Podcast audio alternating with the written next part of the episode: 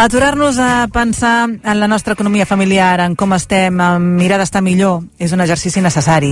El volem fer amb l'Eduard Conti, que és economista especialitzat en finances personals. Eduard, molt bon dia. Molt bon dia, Noemí. I justament des de la seva empresa, Conti Economia, l'Eduard, a més de desenvolupar programes d'educació econòmica per a empreses i administracions públiques, ofereix també assessorament i formació per a facilitar que les persones prenguin el control de la seva economia personal i la del seu negoci. I avui parlem de de l'economia del desamor, que m'agrada molt aquest nom que li has posat, economia del desamor, i que ja només amb el títol ja podem imaginar de què estem parlant.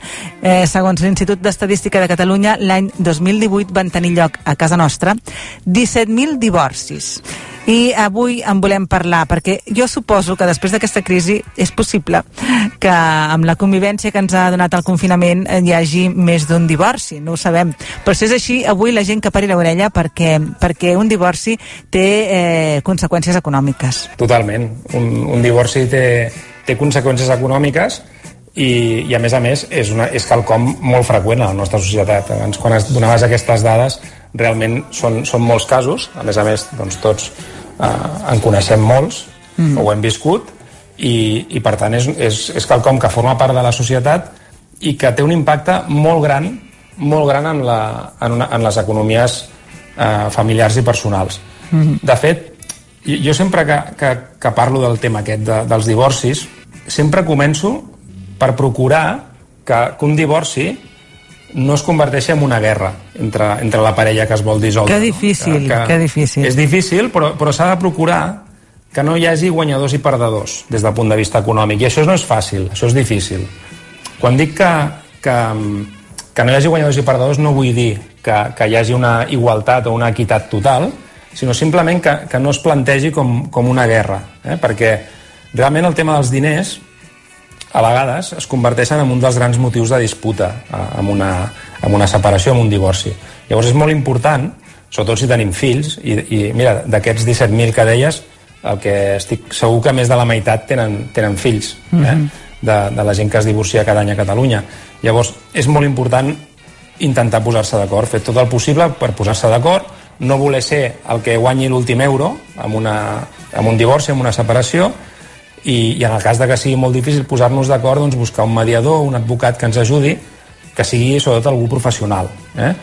I, i també doncs, mostrar una certa empatia. A vegades és difícil, però, però és important mostrar empatia amb l'altre, ja dic, més encara si tenim fills, però, però sobretot molt important amb un divorci. Aquest plantejament d'inici és fonamental perquè les coses vagin bé.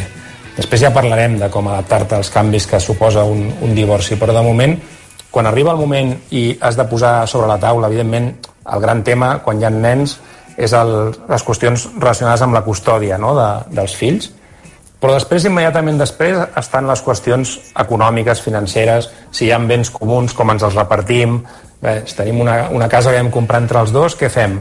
Uh, la venem ara i, i ens ho repartim o, o t'hi quedes tu un temps i després...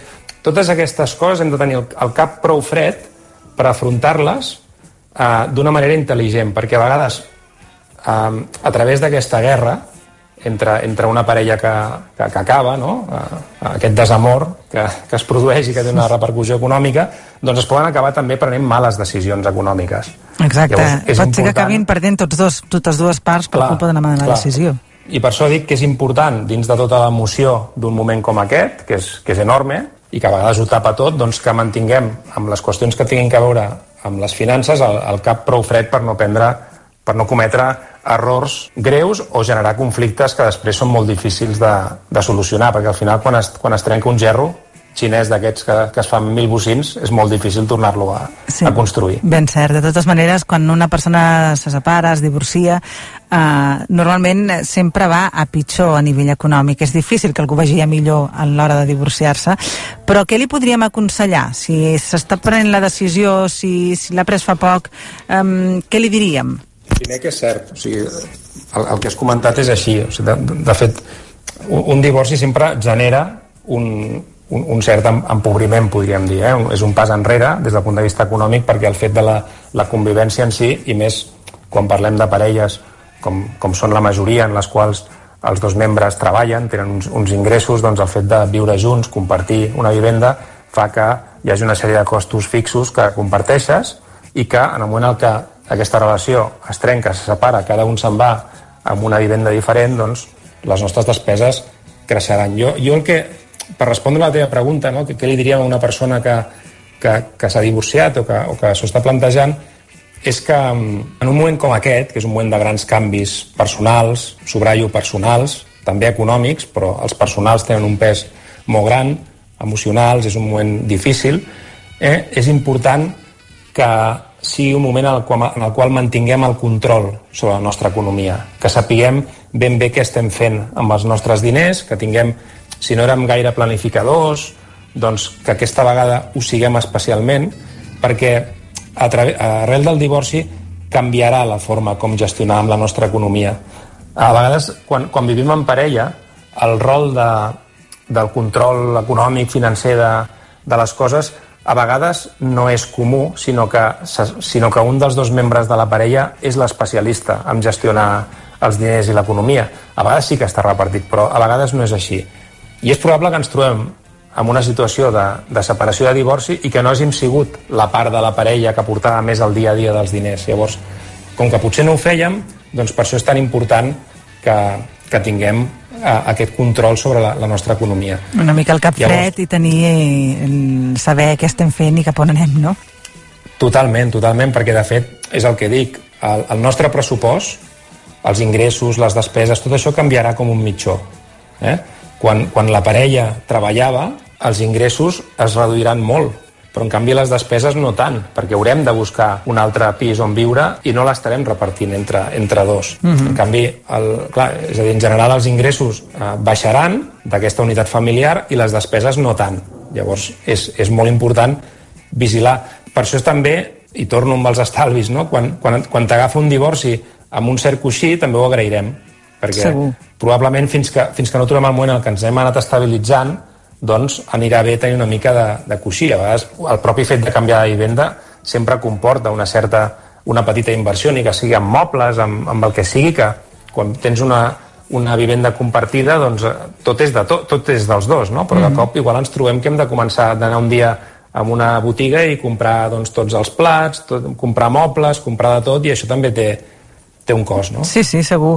I ara parlàvem de l'economia després del divorci, però és evident que abans del divorci hi havia també una situació econòmica que possiblement hagi sigut la causant d'aquesta separació.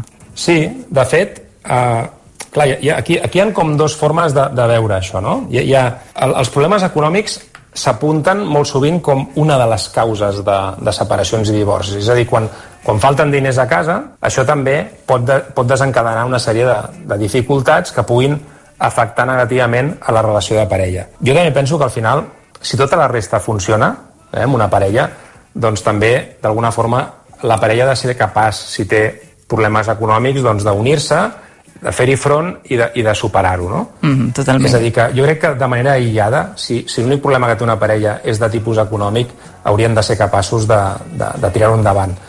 El que sí que és veritat quan ja hi ha altres coses que no van massa bé, si, si a sobre hi afegeixes aquest element de les dificultats econòmiques, sí que estic convençut de que això pot ser un desencadenant ja de, definitiu de dir, escolta'm, deixem-ho estar perquè això nostre no, no funciona. Clar, llavors Però, afegim, el... afegim una problemàtica sobre una problemàtica. Ja està malament econòmicament, el divorci això ho, agreu, ho, ho agreuja. Completament. Però després està l'altra forma de veure-ho, i és que també pot ser que, que l'economia sigui d'una banda causa de divorci, però també pot ser que algunes separacions o divorcis no tinguin lloc també per motius econòmics, no? Clar, a vegades sí, sí. també hi ha, hi, ha, hi ha parelles que aguanten, no poden, exacte, aguanten per l'economia. Per l'economia, perquè potser no es poden permetre de cop passar a viure amb dos vivendes, no? I, i d'una manera una mica pragmàtica, això no m'ho estic inventant, això, això sí, ha passat, sí, sí, ja. casos i, i a més a més són coses que han sortit al, al diari, a la, a la famosa crisi que a vegades en parlem del, la crisi de, de financera i de l'habitatge que va haver-hi a Espanya el, el, el 2008, mm -hmm. en aquell moment van haver-hi, eren notícies de premsa, no? s'explicava, hi ha moltes parelles que decidien seguir compartint la vivenda perquè en aquell moment no es podien permetre marxar, no, mm -hmm. no podien per motius econòmics. Però després també hi ha els casos en els que per una simetria d'ingressos entre, entre, la, entre els membres de la parella doncs si un marxa es queda en una situació tan dolenta, tan difícil, que potser tampoc no s'ho pot permetre. Llavors això també, totes aquestes qüestions són, són molt interessants i, i poden tenir molt, molta influència en segur. les decisions finals. Pesaran en, a, en la decisió de separar-se o no separar-se.